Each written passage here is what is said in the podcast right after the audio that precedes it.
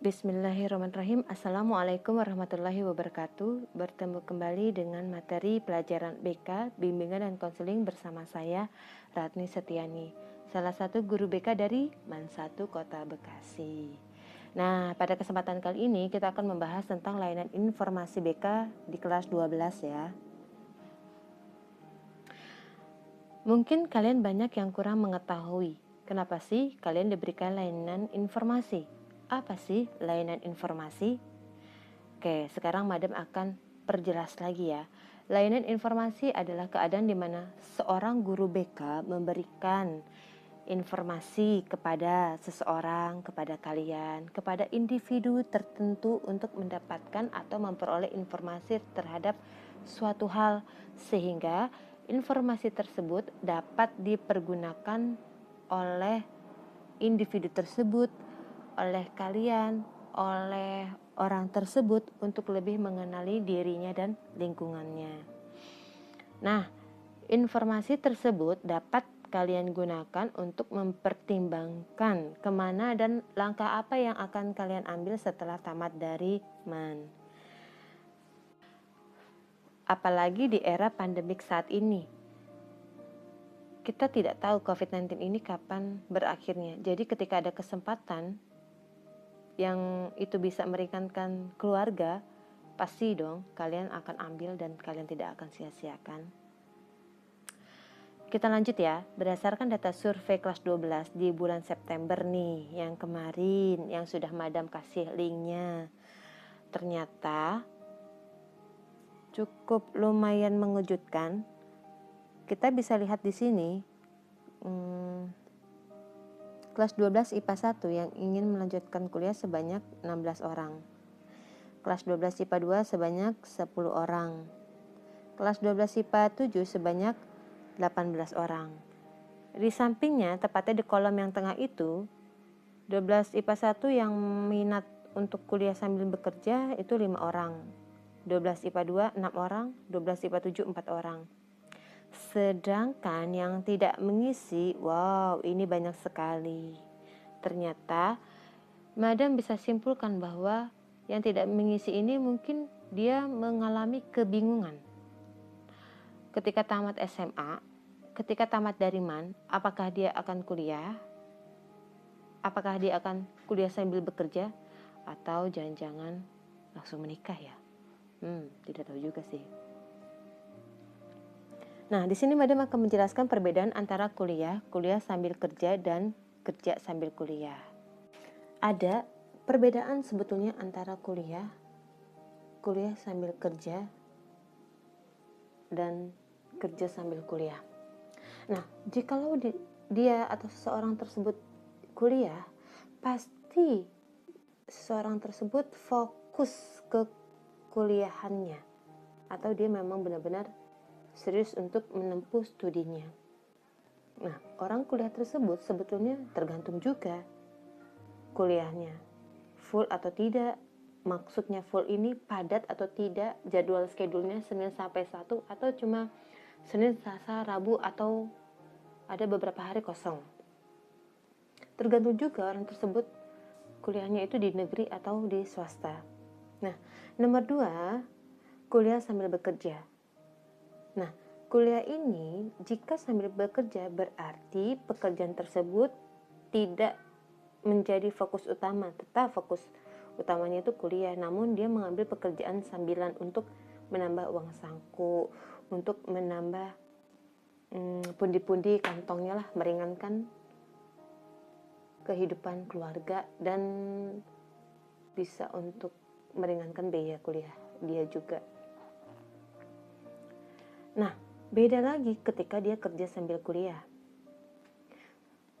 Dalam hal ini, orang yang kerja sambil kuliah berarti orang yang bekerja fokus utamanya dan mencari kuliahan yang tidak mengganggu jadwal pekerjaannya karena pekerjaannya itu adalah sumber utama dia Kenapa menjadi sumber utama dia? Karena dengan bekerja dia bisa mendapatkan uang. Dengan uang tersebut dia gunakan untuk membayar biaya kuliahan tersebut.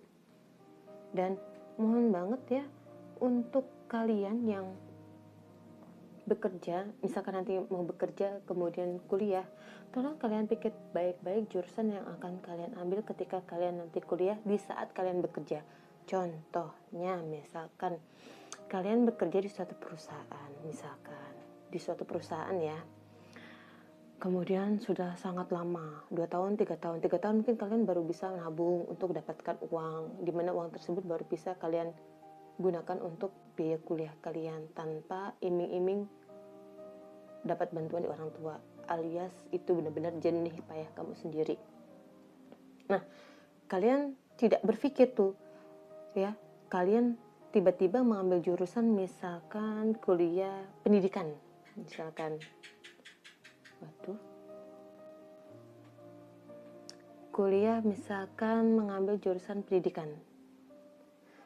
Ketika kalian sudah tamat selama empat tahun kalian kuliah, kalian atau orang tersebut deh, itu masih posisinya bekerja di perusahaan tersebut. Alhasil ketika lulus dari kuliah, otomatis dia kan menjadi sarjana pendidikan alias dia sebagai seorang guru. Nah, dilematis atau tekanan batin akan muncul.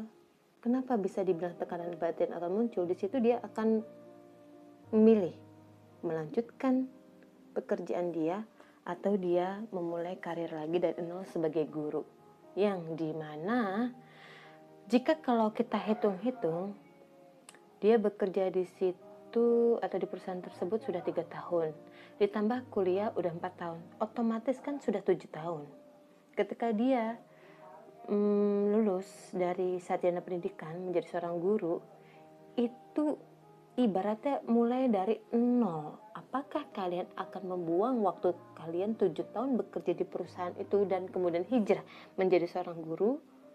Karena awalnya kamu hanya memikirkan kamu mau kuliah tanpa kamu berpikir apakah kuliah yang saya ambil bisa menompang pekerjaan saya sekarang atau saya akan mengambil pekerjaan yang baru.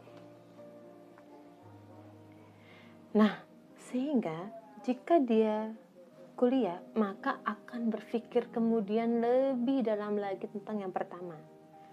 Saya kuliah di mana ya? Saya mau kuliah negeri atau swasta ya? Jurusan dan fakultas apa yang saya mau ambil? Kira-kira biayanya berapa ya? Nanti kos apa tidak? Kemudian nanti saya bekerja sebagai apa ya setelah tamat kuliah? Boleh tidak ya saya kuliah di tempat jauh oleh orang tua? Atau bagaimana dengan nasib adik saya? Ketika misalkan saya kuliah, lalu adik saya butuh biaya, pasti apakah ini menjadi suatu hal yang menjadi permasalahan di keluarga kalian? Next, kemudian jika kuliah sambil kerja, mungkin kalian akan berpikir tidak se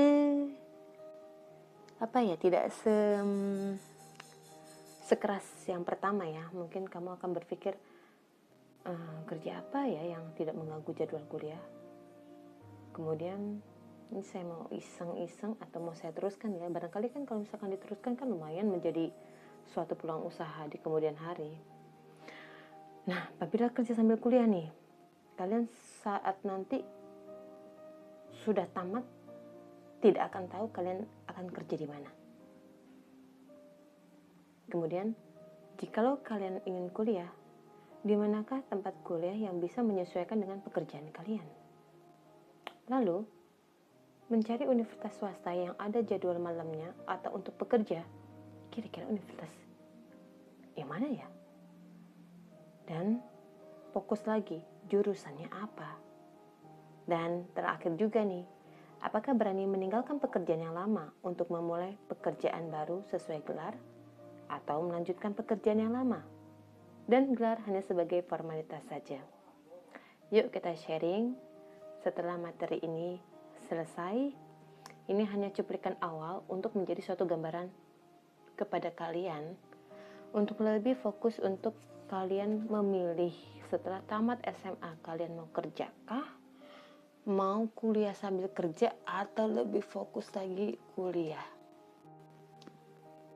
Sekian itu saja dari Madam. Baru topik wacana pembuka awalan. kurang lebihnya sekian assalamualaikum warahmatullahi wabarakatuh